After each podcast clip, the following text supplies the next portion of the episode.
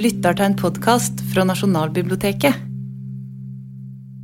I forbindelse med åpningen av en utstilling om Jens Bjørneboe skulle Odin-teatret og Bjørneboes nære venn Eugenio Barba komme til Oslo sommeren 2020.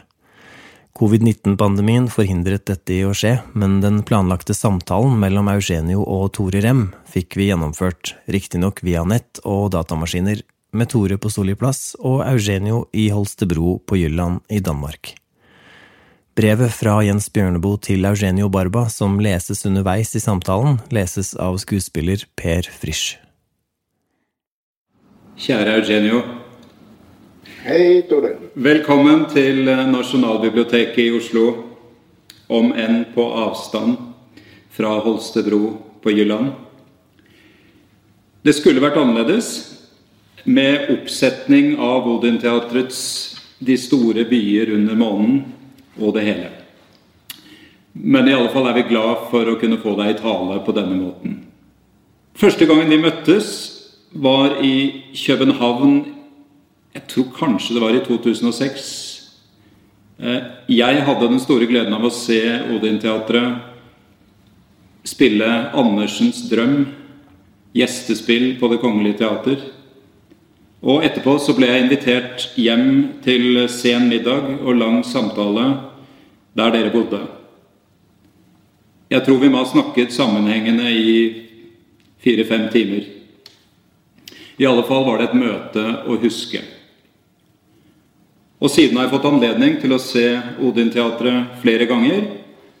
Og både min familie og jeg har fått sterke møter med dere og deg. Men det var altså Jens Bjørneboe som brakte oss sammen. Det finnes en fascinerende samling av brevene mellom Jens Bjørneboe og deg. Den er utgitt under tittelen 'Kjære Jens, kjære Eugenio', og den kom ut i 2004, redigert av Elsa Kvamme. Vi skal begynne med å høre ett av Jens Bjørneboes brev til deg. Carissimo frate Eugenio. Takk for ditt indiske epistel. Ja, Jens betyr Giovanni. Og som den hellige mann jeg er, ber jeg for deg, til Adonai og til den hellige kosmiske Sofia, den hellige ånd, om opplysning og nåde. Det er en stor glede at vi kan vente deg hit, og at du blir boende her, iallfall for noen sammenhengende måneder. Det er også en glede å vite at du kommer via Italia, via Milano og Streler. Jeg er meget spent på hans teatro, og jeg ber også om å få besøke det snart. Det er merkelig hva du skriver fra India. Jeg føler meg også selv så aldeles som europeer at jeg nesten ikke har blikk og øre for de ting som skjer utenfor vår egen fryktelige og vidunderlige verdensdel. Doktor Faustos spesielle geografiske område. Akkurat nå lengter jeg forferdelig til Toskana. Og hadde jeg hatt tid og anledning, skulle jeg ha møtt deg i Certaldo, i skyggen av gamle maestro Boccaccio på hans kolle. Imidlertid har jeg vært i Russland, noe som har rystet og grepet meg dypt. Leningrad og Moskva, evige folkevandringer og uutryddelig kristendom. I Moskva fant jeg til og med et lite avantgarde-teater, Sobremenik, som du kanskje kjenner. Det er ubeskrivelig avholdt i Moskva og har kø stående foran billettluken dag og natt året igjennom. Jeg ble syk der borte, i og med at blodet sluttet å koagulere. Det bare fløt og fløt, og på sykehuset var man i ferd med å diagnostisere huset Romanovs tragiske arvegods med totalt fravær av vitamin K. Og ca. 20 injeksjoner i Podex med den samme vitamin stoppet min fysiske blodstrøm i løpet av ett døgn.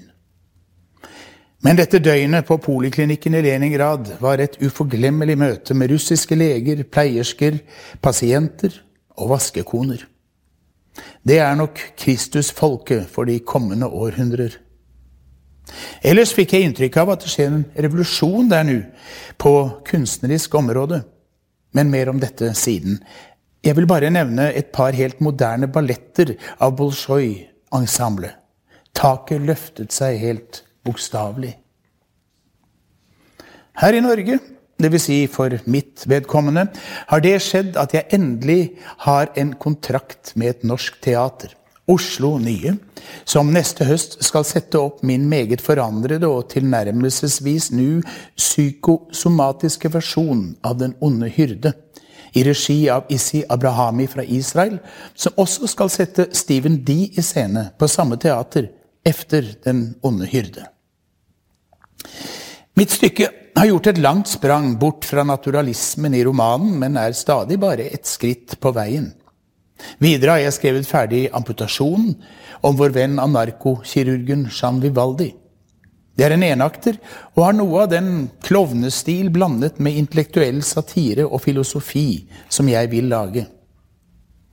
Neste punkt på programmet, dvs. Si neste stykke som blir ferdig, er antagelig ornitofilene. Og Dernest kommer to stykker til, ett om politikere og ett om doktor Semmelweis fra Wien.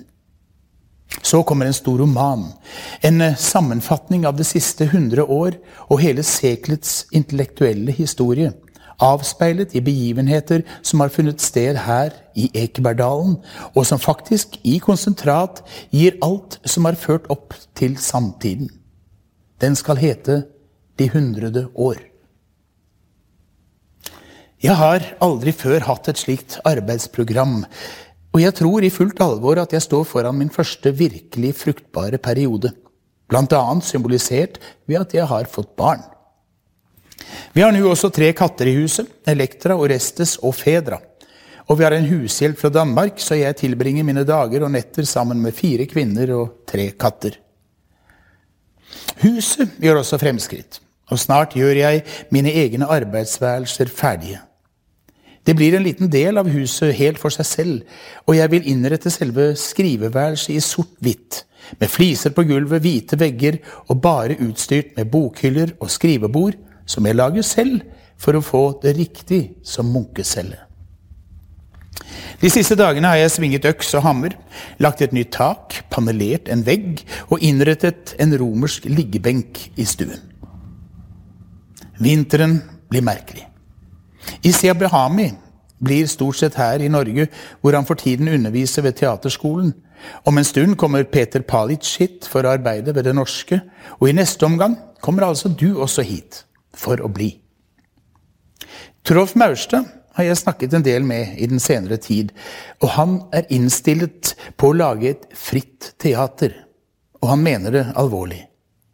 Av sin generasjon er han jo sikkert den beste skuespilleren her i landet, dvs. Si under 40 år. Og han vil være uvurderlig som medarbeider.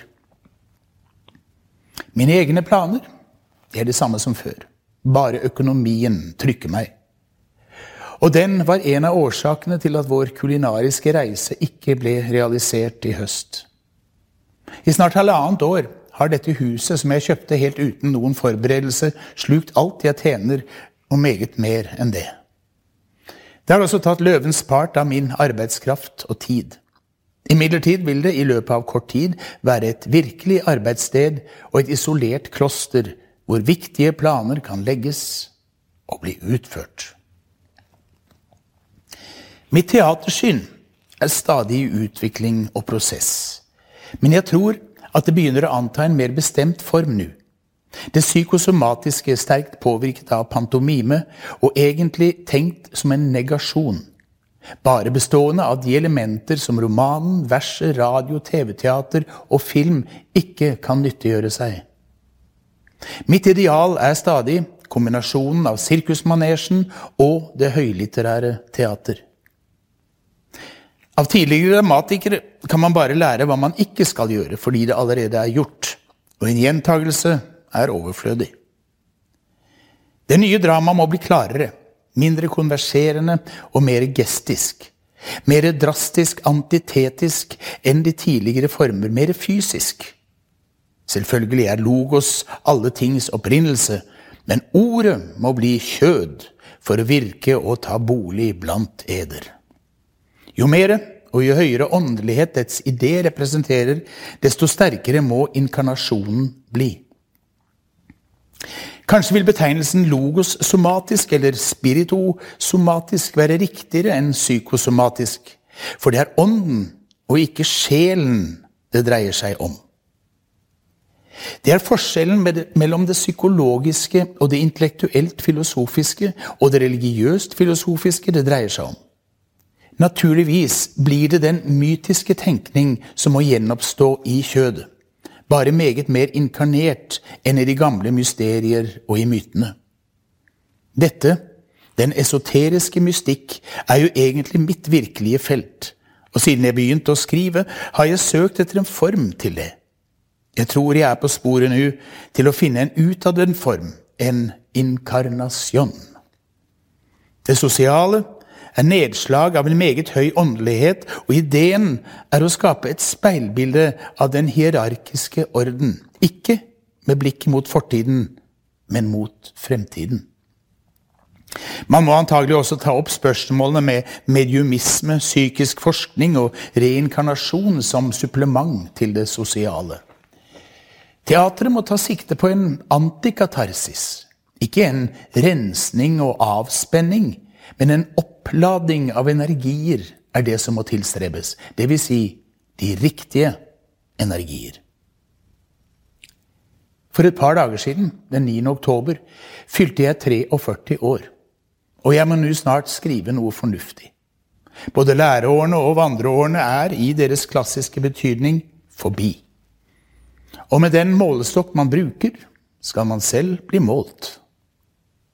By the way, din artikkel om polsk efterkrigsteater sto trykket i siste nummer av Vinduet, og Skjulerud var svært begeistret for den. Så det er da iallfall én teatersjef her som ser til deg i nåde. Med Nationaltheatret har jeg også visse forhandlinger gående. Med ornitofilene ligger både vanskelighetene og mulighetene i den store rettsscenen til slutt. Den må i all sin antihumanisme og abstrusitet ha et esoterisk og arketypisk grunninnhold. I alt som er psykofysisk, grotesk og komisk, må det ligge en høy, mystisk sannhet. Denne sannhet må være som en magisk hierofant i klovnedrakt. Vårt siste håp og vår eneste redning, medlidenheten, barmhjertigheten og tilgivelsen for våre fryktelige synder burde gjøre sin entré i bøddeldrakt. Under den sorte hette og den røde kappe skulle den barmhjertige samaritan åpenbare seg. Der har man i grunn bildet.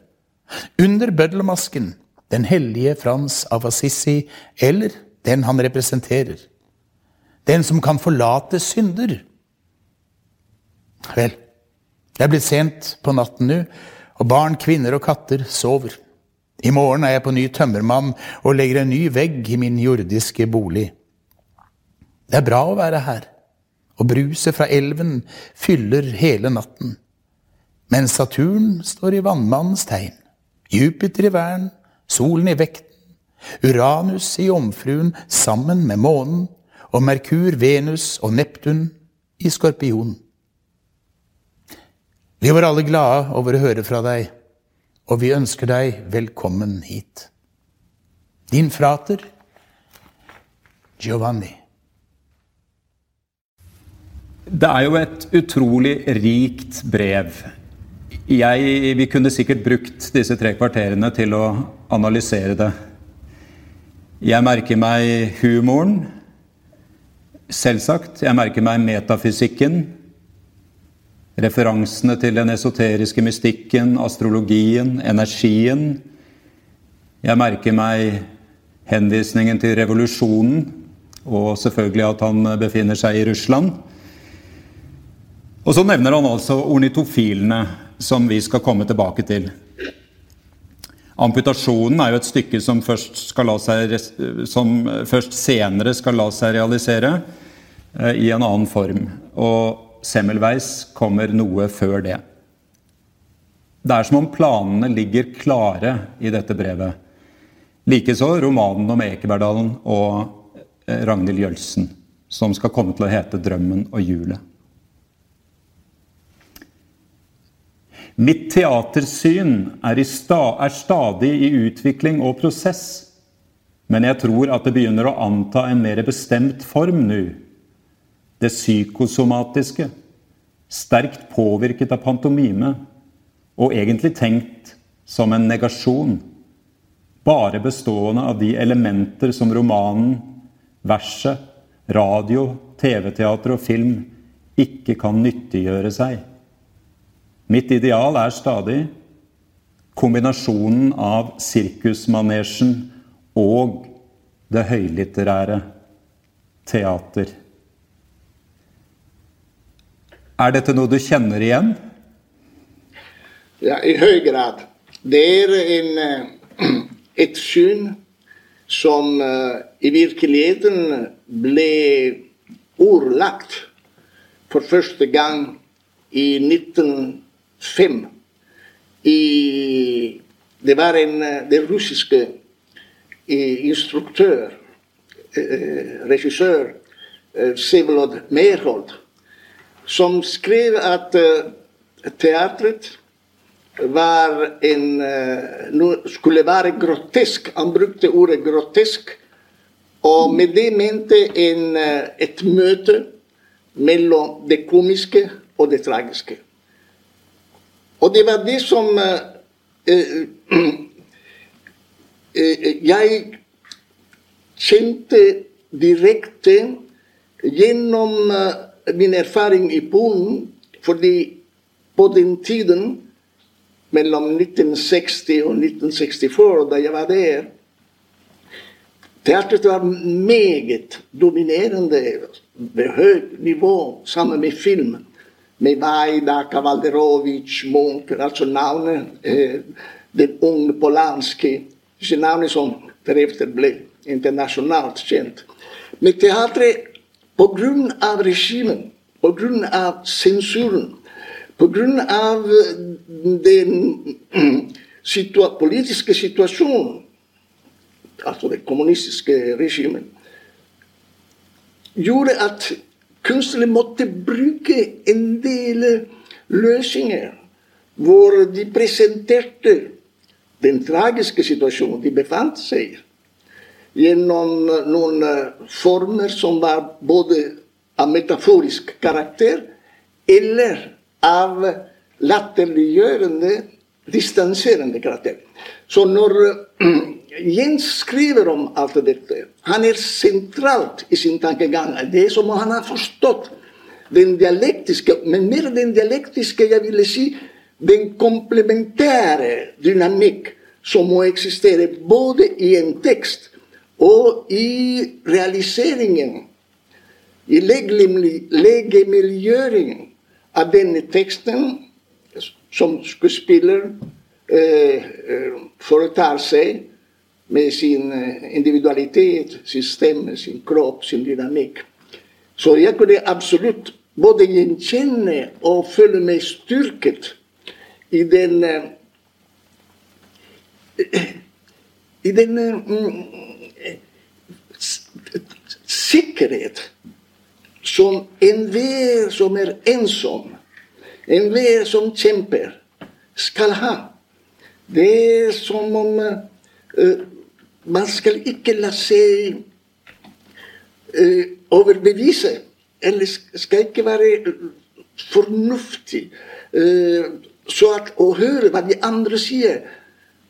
Og den ensomhet som skyldes at du prøver å, å, finne din egen vei, eller at du ikke er i stand til å følge de andres veier, uh, gjør at i det øyeblikk du finner en annen person som tenker følelsesmessig gir deg noen signaler som har en kolossal psykologisk betydning, men også intellektuell stimulans. Og det var det som disse brev representerte for meg. Og jeg tror at uh, når jeg svarte igjen, og uh, Jens følte at det eksisterte en, et eller annet sted noe hvor det han følte, fornemte og prøvde med sitt forfatters håndverk å sette ned. Alt dette kunne realiseres. Og dermed ga ham styrken. Så du opplevde at dette var ikke bare en beskrivelse av hans eget teatersyn, men det var også noe som talte veldig direkte inn i den situasjonen du var i i Polen hos Grotowski på det tidspunktet? Ja. Men eh, la oss ikke glemme at eh, Jens teatersyn var superoriginal på den tiden i Norge. Han tenker med, på en måte med kategorier som ingen ikke engang Bertolt Brecht, som han satte så mye pris på, tenkte på. Jeg, jeg vil gjerne komme tilbake til det. Jeg tenkte at vi skulle gå litt tilbake. Ehm, det jeg merker meg av dette brevet ellers, er jo at det virker som om Bjørneboe står over for en veldig produktiv periode. Han er full av optimisme. Eh, det er nå det skal skje. Ehm, han sier faktisk i brevet at han står foran sin første virkelig fruktbare periode. Og det er som om alt han har gjort tidligere, i løpet av de elleve årene siden debuten som forfatter, har vært ingenting. Han begynner på nytt. Han vil finne en utadvendt form, sier han. Eh, en inkarnasjon. En forening av det sosiale og det åndelige. Og Samtidig så dukker jo hverdagen opp her den evinnelige økonomien osv. Vi har mange opprinnelser fordi våre liv er fylt av mange ting. Vi møter våre opprinnelser underveis på vår vei, akkurat som vi møter våre identiteter og våre sanne familier, har du skrevet, om enn på engelsk, tror jeg. Eh, det er ingen enkel sak å fortelle et liv, heller ikke ditt.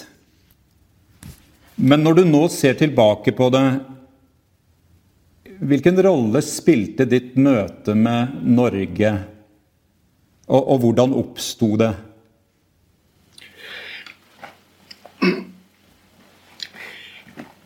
Man skal gå tilbake til en periode som er meget vanskelig å forestille seg nå i dag for menneskene. Det er 1954.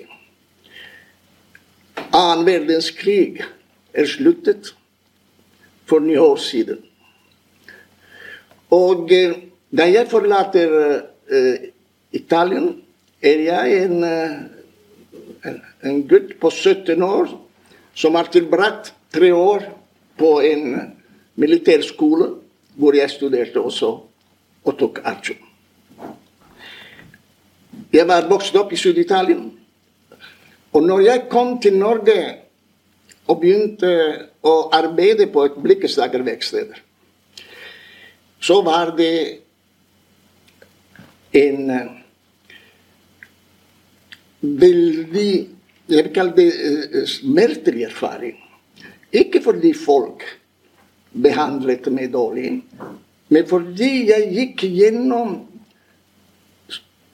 stupiditetens erfaring. Nemlig jeg var i en verden hvor jeg ikke forsto noe som helst. Språket, f.eks. Jeg hørte masse lyder rundt meg. Jeg hadde studert. Jeg kjente gammelgresk, latin, kunne oversette Platon, Aiskylos, eh, Virgilius og Horatius.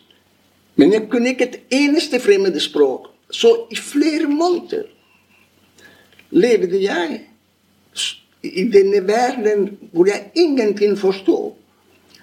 Og hvor folk behandlet meg som en idiot, faktisk. Fordi hvis de spurte meg på verksted Gi meg hammeren, og så ga jeg tangen.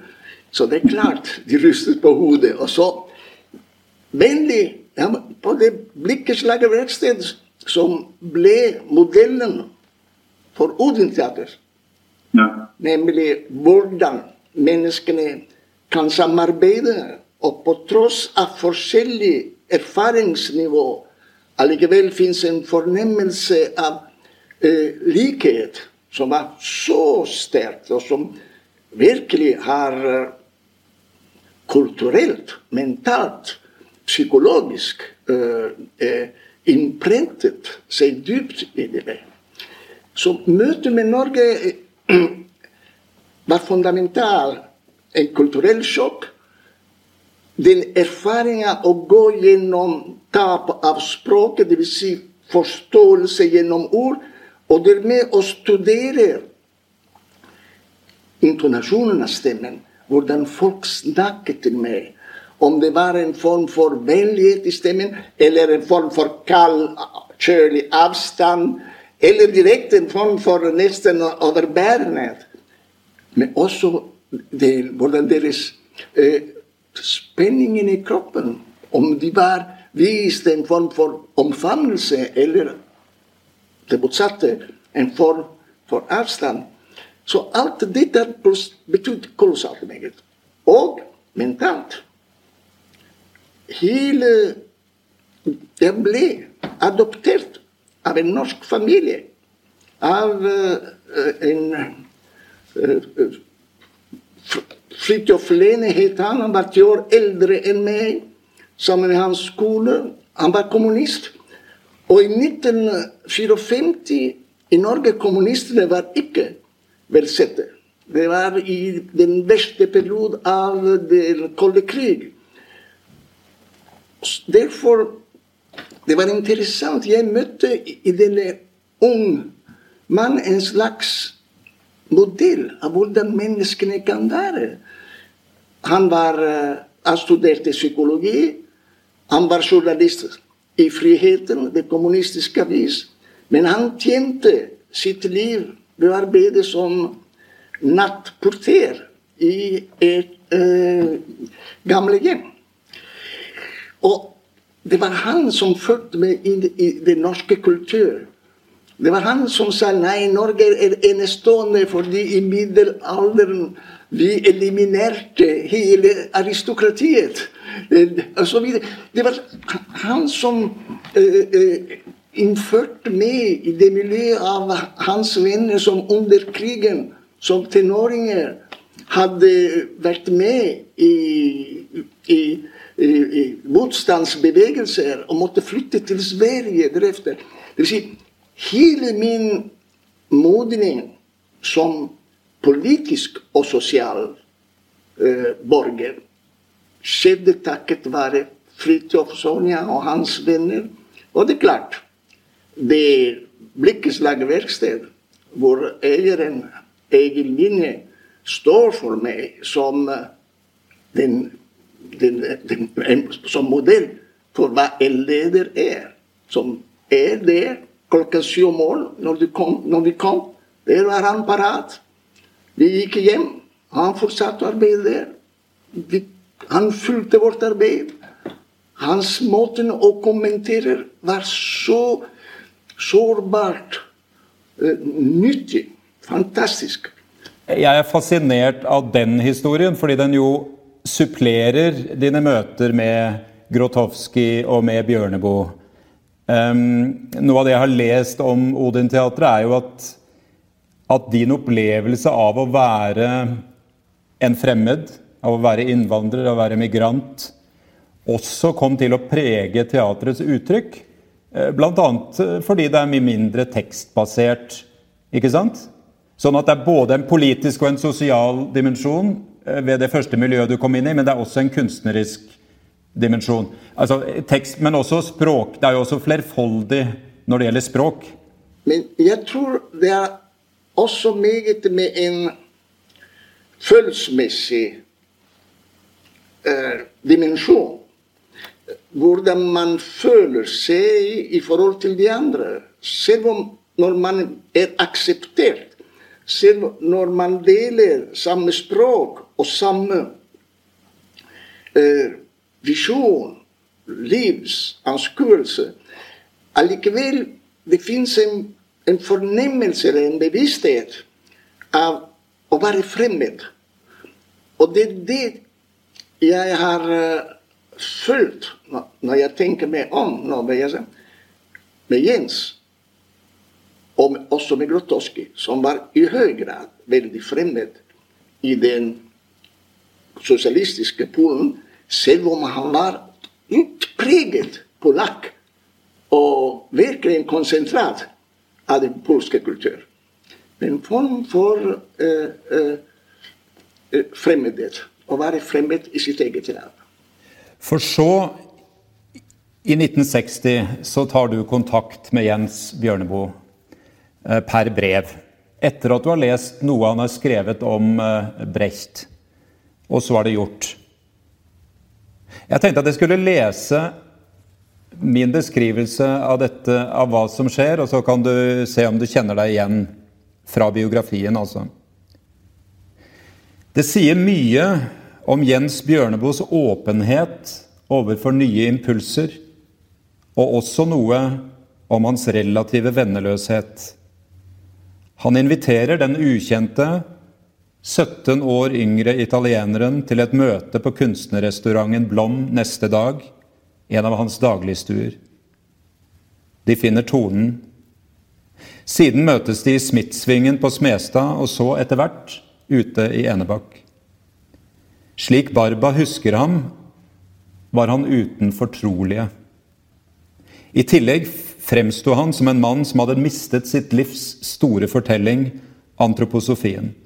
Han søkte i mange retninger uten riktig å finne det han var ute etter. Jeg vil mene at du kommer inn på et svært spesielt sted i Bjørneboes liv, i hans biografi, etter at han har brutt med tidligere sammenhenger, før han riktig har funnet nye. Kjenner du deg igjen i den beskrivelsen nå? Beskrivelsen er akkurat. Jeg kan godt kjenne meg igjen. Men eh, jeg tror ikke at eh, Jens var så fortapt. Selv om han eh, ikke lenger eh, støttet seg til antroposofien. Det var en erfaring som hjalp med å bygge det nye kompass. Jeg tror ikke at han eh, fornektet eh, Jeg har aldri følt at han fornektet fortiden. Tvert imot, jeg, jeg, tror at den fortiden hjalp ham å, å finne den komplementaritet som ofte marxistene og revolusjonære manglet, selv om de snakket om dialektikk. Men det er riktig at den perioden jeg traff ham, var en eh, luminøs en solrik periode i hans liv. Jeg tror at evnen even han hadde til å prosjisere og tenke fremtiden, alle de prosjekter og planer. Og det går noenlunde fint de første to år, to-tre år. Men så det, det, skjedde et eller annet som jeg aldri eh, forstått. For når jeg kom tilbake til Norge i, i 64 så var Jens allerede annerledes. Han hadde mistet en del av den uh, motpå, lyst Han klaget mer og mer om den norske karma han hadde fått. Ikke sant? Så det er riktig. Det var en periode som uh, svarte til det møtet med meg og den eh, kontakt på avstand som eh, vi holdt. Jeg, jeg, og jeg anerkjenner absolutt, uh, absolutt det at han at antroposofien var en utrolig viktig erfaring som han også tok med seg videre på viktige vis. Uh, men, men, da hadde han på et vis brutt med bevegelsen som med mange av menneskene. Um, og, og, det er så tydelig at han er på vei videre inn i noe. Og så møter han deg, som også er på vei videre, på vei mot noe. Ja, nei, jeg tror, jeg tror at det han møter, er Berliner Ensemble og Helene Wagel og de skuespillere som han satte kolossalt pris på. Fordi når du har opplevd en teaterforestilling som man har aldri sett før. Som man forandrer sitt liv. Jeg tror at det som har forandret Jens uh, uh, Syn og fornemmelse uh, av Kjøvelt var hans opphold i Italia. Og så møte med visse forestillinger av Berlin Ensemble som Når jeg så det, var det som om, om plutselig uh, en atombombe eksploderte i ditt, ditt hode. Og allerede det, det at du har opplevd, du har vitnet at det eksisterer noe annet, betyr kolossalt meget for å inspirere deg.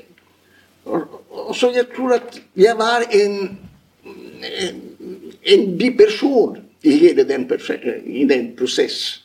Eh, faktisk. Det sånn føler jeg. Ja, ja, Vi kommer tilbake til det ornitofilene. Eh, men på dette tidspunktet så hadde Bjørneboe prøvd seg på et skuespill. Altså Det aller første han ville skrive, var jo før han galer i skuespillformat.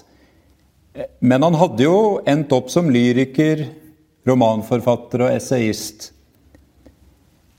Hva vil du si det var ved ham som gjorde ham egnet som dramatiker? Altså, hadde han en theatrical imagination?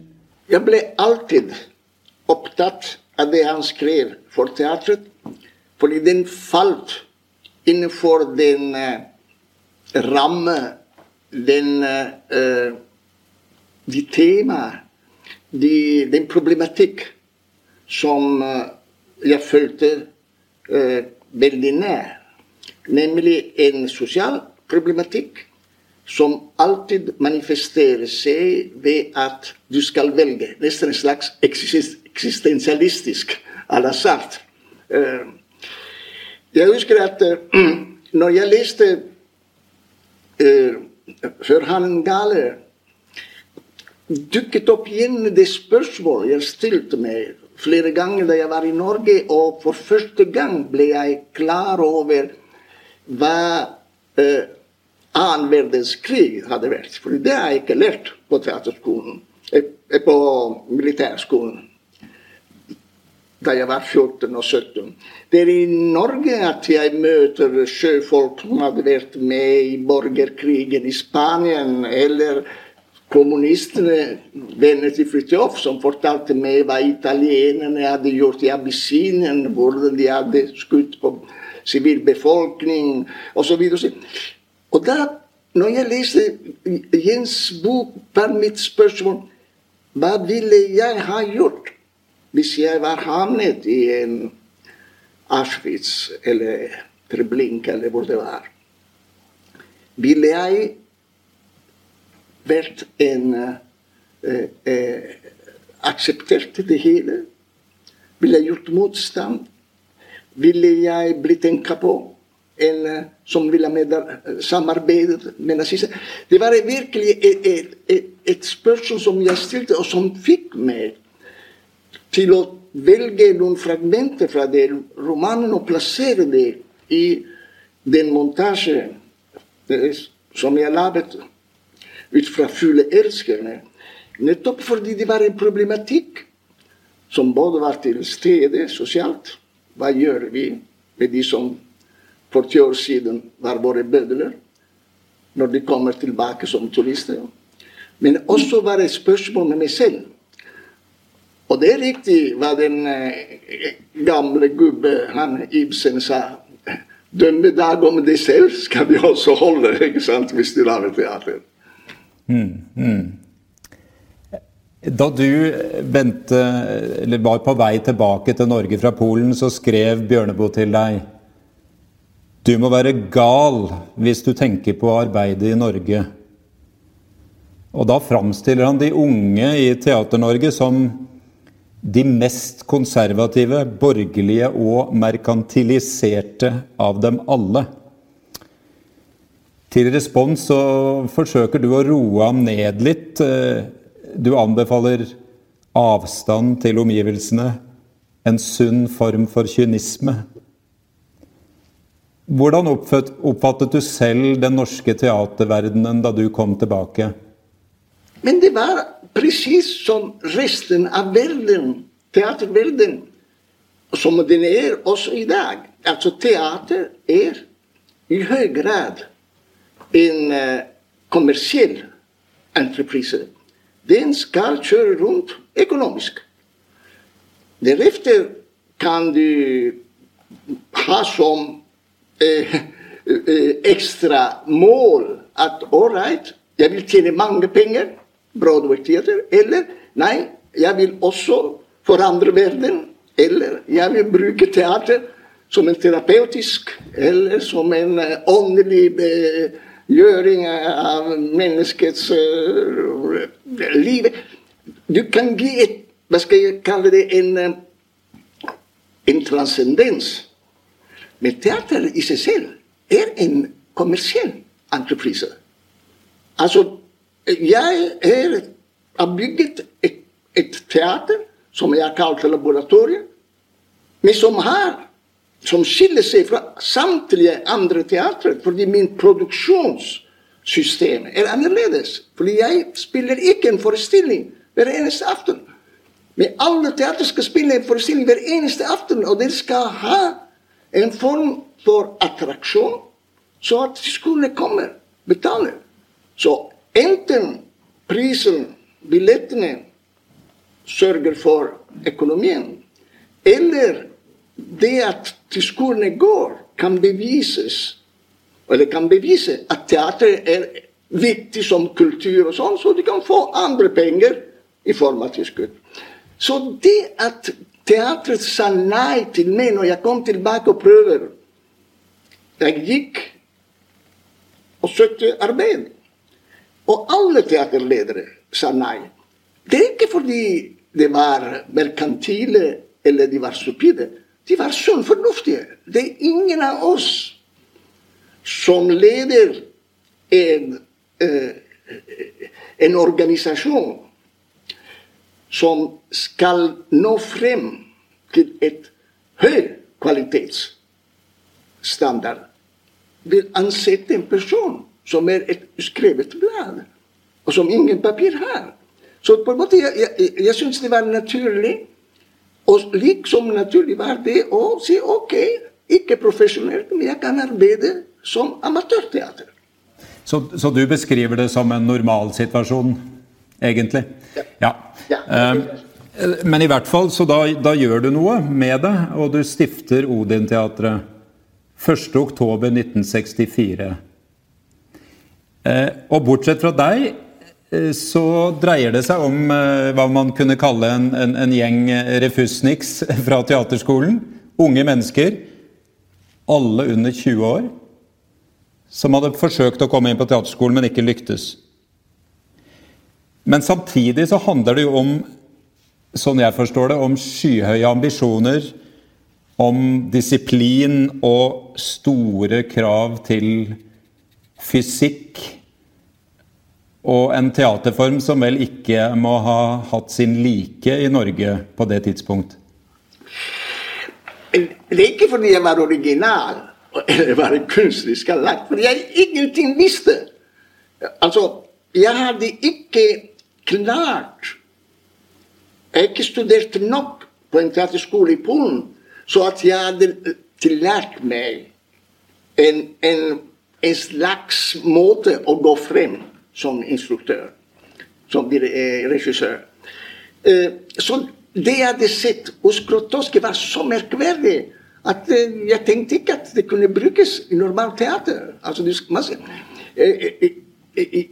jeg var meget rørt, berørt personlig av hva Grotowski laget som tilskuer. Men jeg syntes ikke, at hans teaterform var noe som man skulle vise overalt. For meg var teater fremdeles en scene. Publikum der, et stykke. Det var det for meg var teatret. Så når jeg ikke kunne gjøre dette, så, og, og, så befant jeg meg i denne helt vanvittige situasjon at jeg måtte lære opp mine skuespillere. Noe som jeg aldri forestilte meg. Så du forstår det. Og jeg, derfor vi begynte å dele oss imellom. Hva, hva kan du? Ah, ja, har du studert ja, klassisk ballett? Ok, så blir du lærer av klassisk ballett. Har du er god i gymnastikk? Ok, så blir du god i biomekanikk. Ja, ja. Så på den måten Det var en, en lille amatørgruppe. Det som er interessant, og det man kunne spørre seg selv, hvorfor disse unge mennesker fortsatte å arbeide med meg når jeg ikke forklarte hva slags teater jeg ville lage, og når det hele foregikk i stillhet og kun gjennom fysiske og vokale øvelser. Det var 15-16 personer til å begynne med. Etter et par uker ble det kun fire. Og av disse fire, tre fulgte med meg til Danmark to år etter. Det vil si de forlot sitt språk, sin familie, sine venner, sin kultur for å komme og bli faktisk innvandrere og snakke og være de også uten språk i Danmark. Så det, det var ikke et, et teater og, og kunstnerisk originalitet. Det var eh, eh, noen personer som eh, helt følelsesmessig sa ja, men det som er viktig for meg, behøver ikke å være viktig for andre. Så jeg fortsetter på den måten. Og så skjedde det som er skjedd. Jeg eh, vi, vi, må da innom ornitofilene, som blir det første stykket dere setter opp.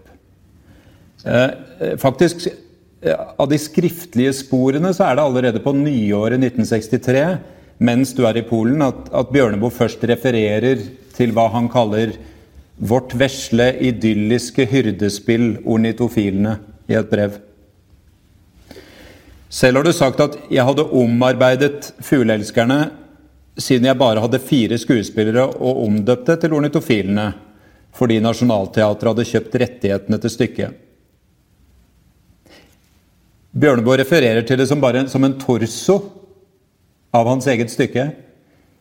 Og da handlet det vel også om mange likhetstrekk, men likevel at det var en annen type teater du tilstrebet? Hva, hva var det som appellerte til deg ved det susjettet? Du har jo vært inne på det så vidt, men, men Bjørneboe bruker ord som antihumanisme, men også et esoterisk og arketypisk grunninnhold.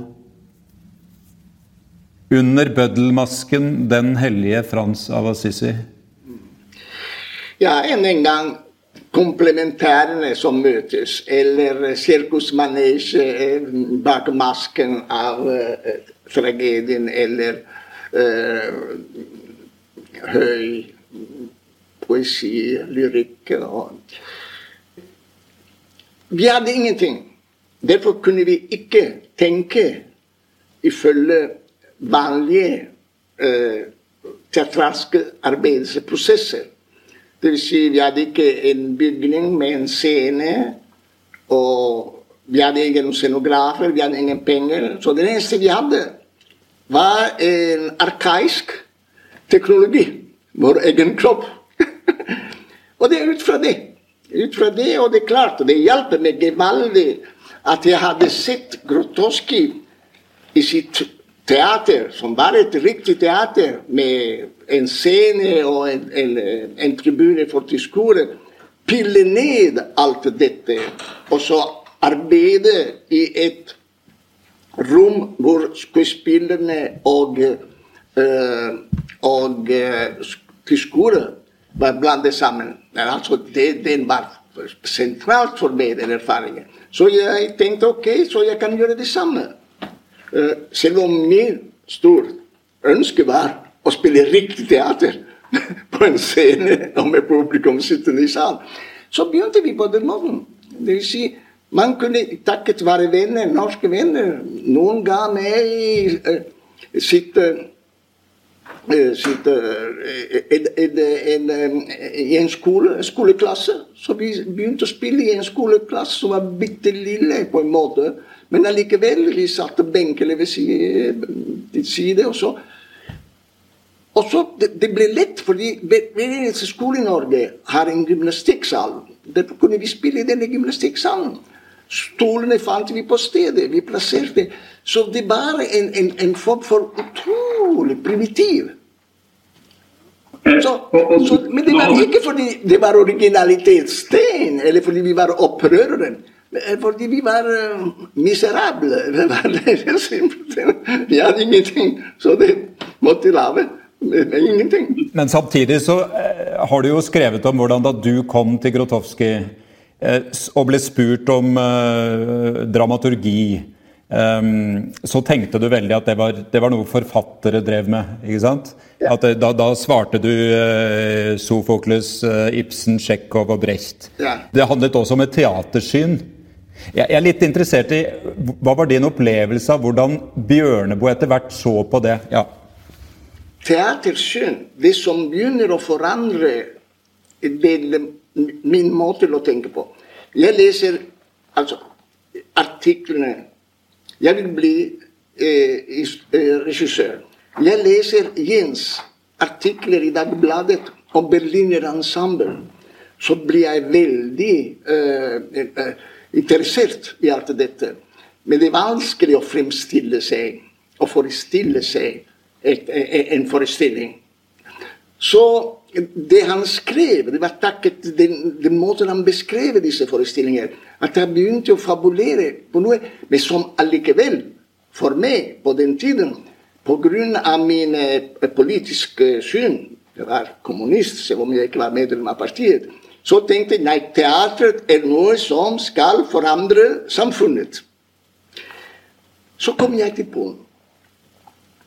Og da ser jeg et sosialistisk samfunn fylt av korrupsjon, av sensur, av makt, eh, eh, misbruk. Og først og fremst mangel på frihet. Ikke en eneste polakk har mulighet til å reise i utlandet, fordi det er ingen pass. Så her oppdager jeg at alt det jeg forestilte meg om kommunismen, er en stor illusjon. Så midt i denne store uh, desillusjons- eh, og kjølingsprosess så den eneste som holder meg eh, levende, vil jeg si, vil si som får mine energier til å bli brukt til det maksimum, er å forsvare det lille teater som Grotowski lager i sin lille provinsby. Fordi det teatret også er truet av å bli lukket. Og derfor jeg begynner å skrive. Jeg har aldri skrevet før. Jeg begynner å skrive for å forsvare Grotowski. Jeg bruker mitt pass for å kunne reise rundt og fortelle om Grotowski, forsøker å plassere artikler. Det vil si at de siste tre år i Polen jeg tenkte, ikke tenkte mindre på min karriere som instruktør, regissør, og mer hvordan jeg kunne forsvare dette teatret. Men ut fra en veldig elementær irritasjon. At det var urettferdig å ville slå ned. Men Grotowski laget noen forestillinger som virkelig hadde en stor følelsesmessig forstyrrende karakter. Vi kan fremdeles se dem i dag på YouTube, at de virker veldig, veldig sterkt. Og den, den fornemmelse at en forestilling er transformativ, og ikke bare representativ. Jeg skal representere noe, jeg skal forestille noe. Men at det virkelig transformerer. Det var det som var blitt mitt syn. Og det vil jeg også si, selv om vi aldri brukte disse ord. Derfor fant jeg at Jens og jeg hadde en form for kommunikasjon. Han var jo, sånn jeg opplever han, så var han jo veldig søkende og åpen i sitt arbeid med teatret. Altså han, han responderte, han søkte allianser.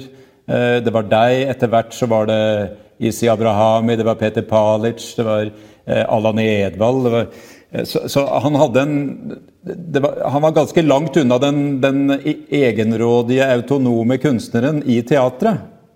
Opplevde, hvordan opplevde du han? Ja, men fordi Nettopp han, han lengtet, tror jeg, eh, kanskje ubevisst, etter en eh, regissør som tok eh, hans eh, verbale, narrative struktur og fikk den til å eksplodere og, og, og, og skapte et nytt liv, som er teater. fordi en ting er et stykke teater, det er bare noen symboler på, på et stykke papir. Og du kan lese det, og du kan ha en fantastisk virkning. Du leser et stykke av Beckett, du leser et stykke av Strindberg. Men å se det på teatret, med stemmer, intonasjoner, bevegelse, stillhet Det er noe helt annet. Det er en helt annen opplevelse. Og det var det han lengtet etter. Og siden norske regissører ikke hadde klart å realisere dette med hans eller med andre stykker, så han håpet at disse utlendinger ville være i stand til å foreta seg en lignende operasjon. Vi nærmer oss en avrunding. Du har skrevet at mine nerver Nå oversetter jeg fra engelsk. Mine nerver husker den norske forfatteren og min kjære venn Jens Bjørneboe. Kroppsliggjøringen av behovet for overskridelse, eksess, er det ordet du bruker. Uten motstridende impulser og opprør, selv mot ideene han trodde på, risikerte livet. For ham som var opprører og tørstet for absolutt rettferdighet, å bli redusert til ubevisst defaitisme. Risikerte livet. Og du, kalt, du har kalt ham min eldre bror. Én ting er denne sterke personlige relasjonen, men jeg lurer jo også på de gangene, og det er atskillige, hvor Jens Bjørneboe har dukket opp i Odin-teatrets arbeid det være seg gjennom et dikt, et fragment. Har du tenkt det først og fremst som et personlig minnearbeid, eller har det vært fordi disse eh, fragmentene har virket produktivt, har, har vært fruktbare, har passet inn med Odin-teatrets prosjekt? Det fins eh, krefter inni oss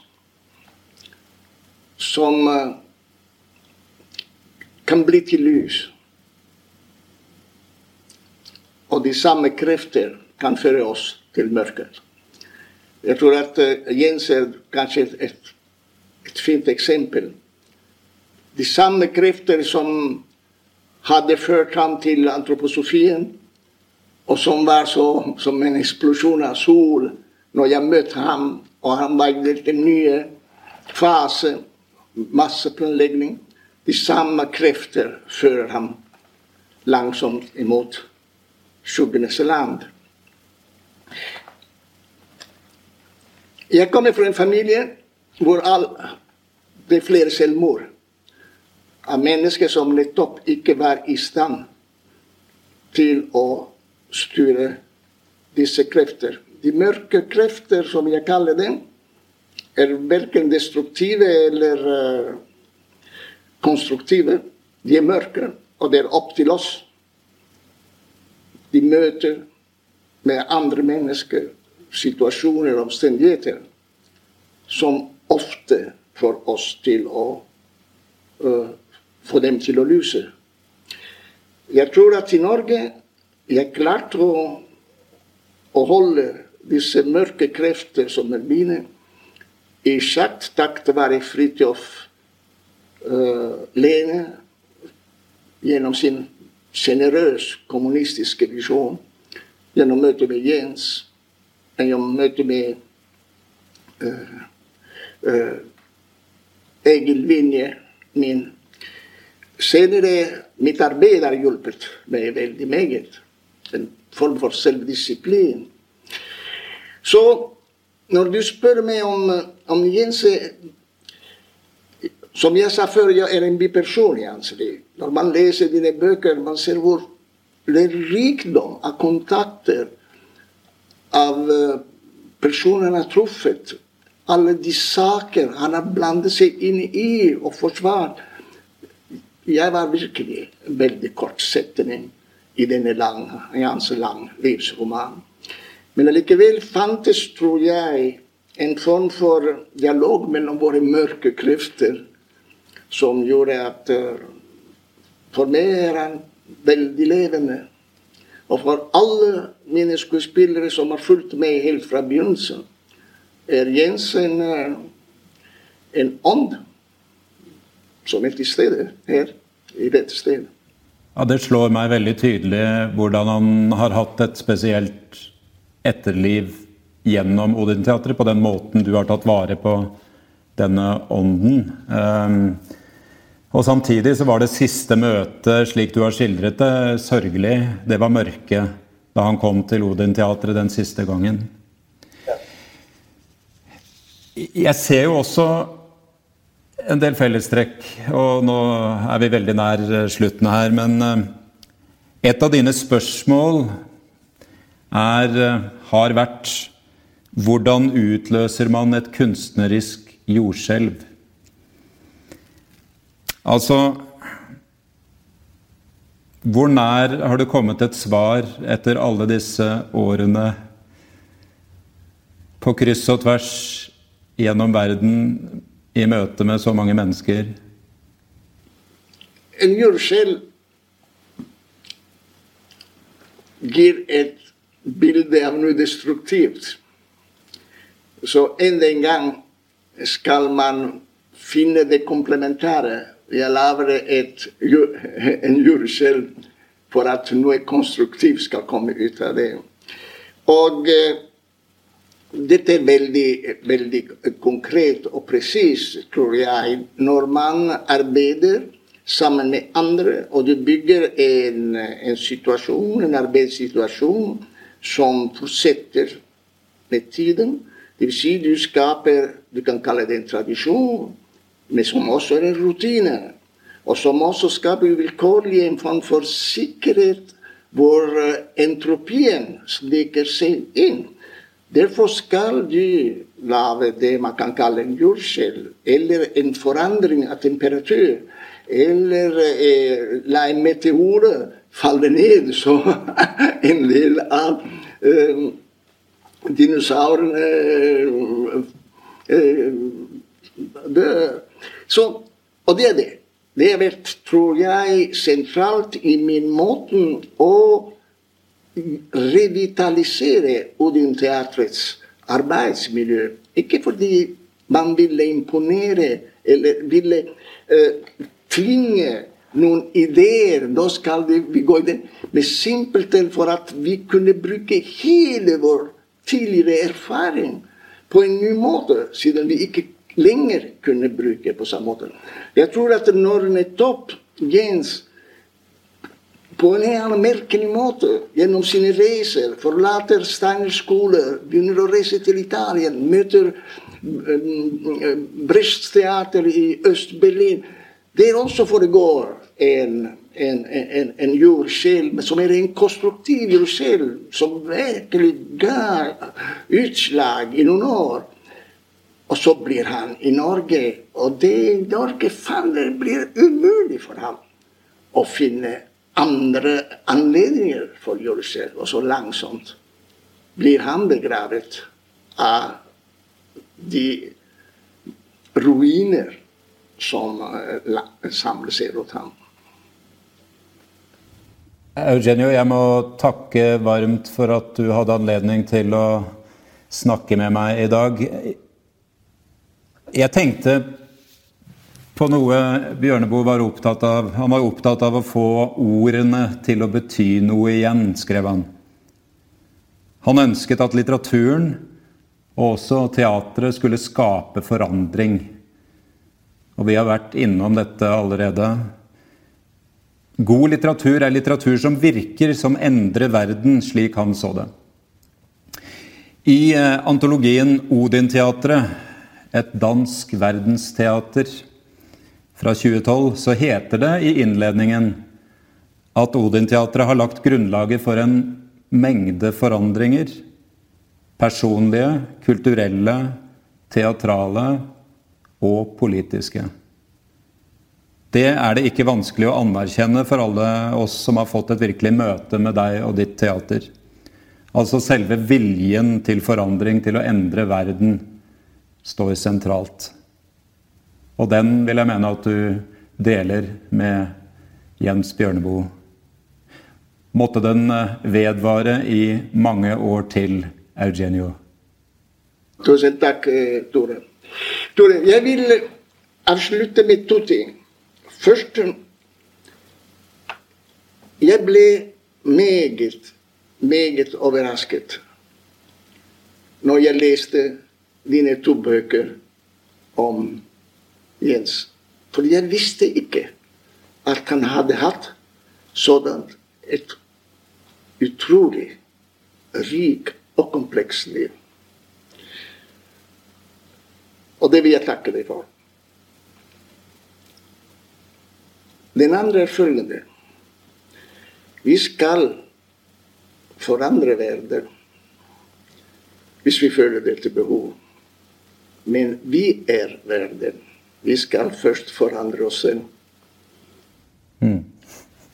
Takk, Eugenio. Tusen takk.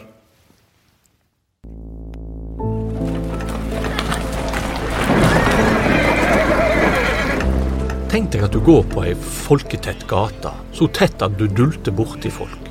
De er sjuke av korona, og kommer du borti feil person, ja, så blir du òg sjuk og kan dø. Sånn var det på 1500-tallet. Ikke fordi det fantes korona, men da trodde en på trolldom. I samlingen til Nasjonalbiblioteket finnes det mange glemte liv. I podkasten Gamle greier vekker vi deres historier til live.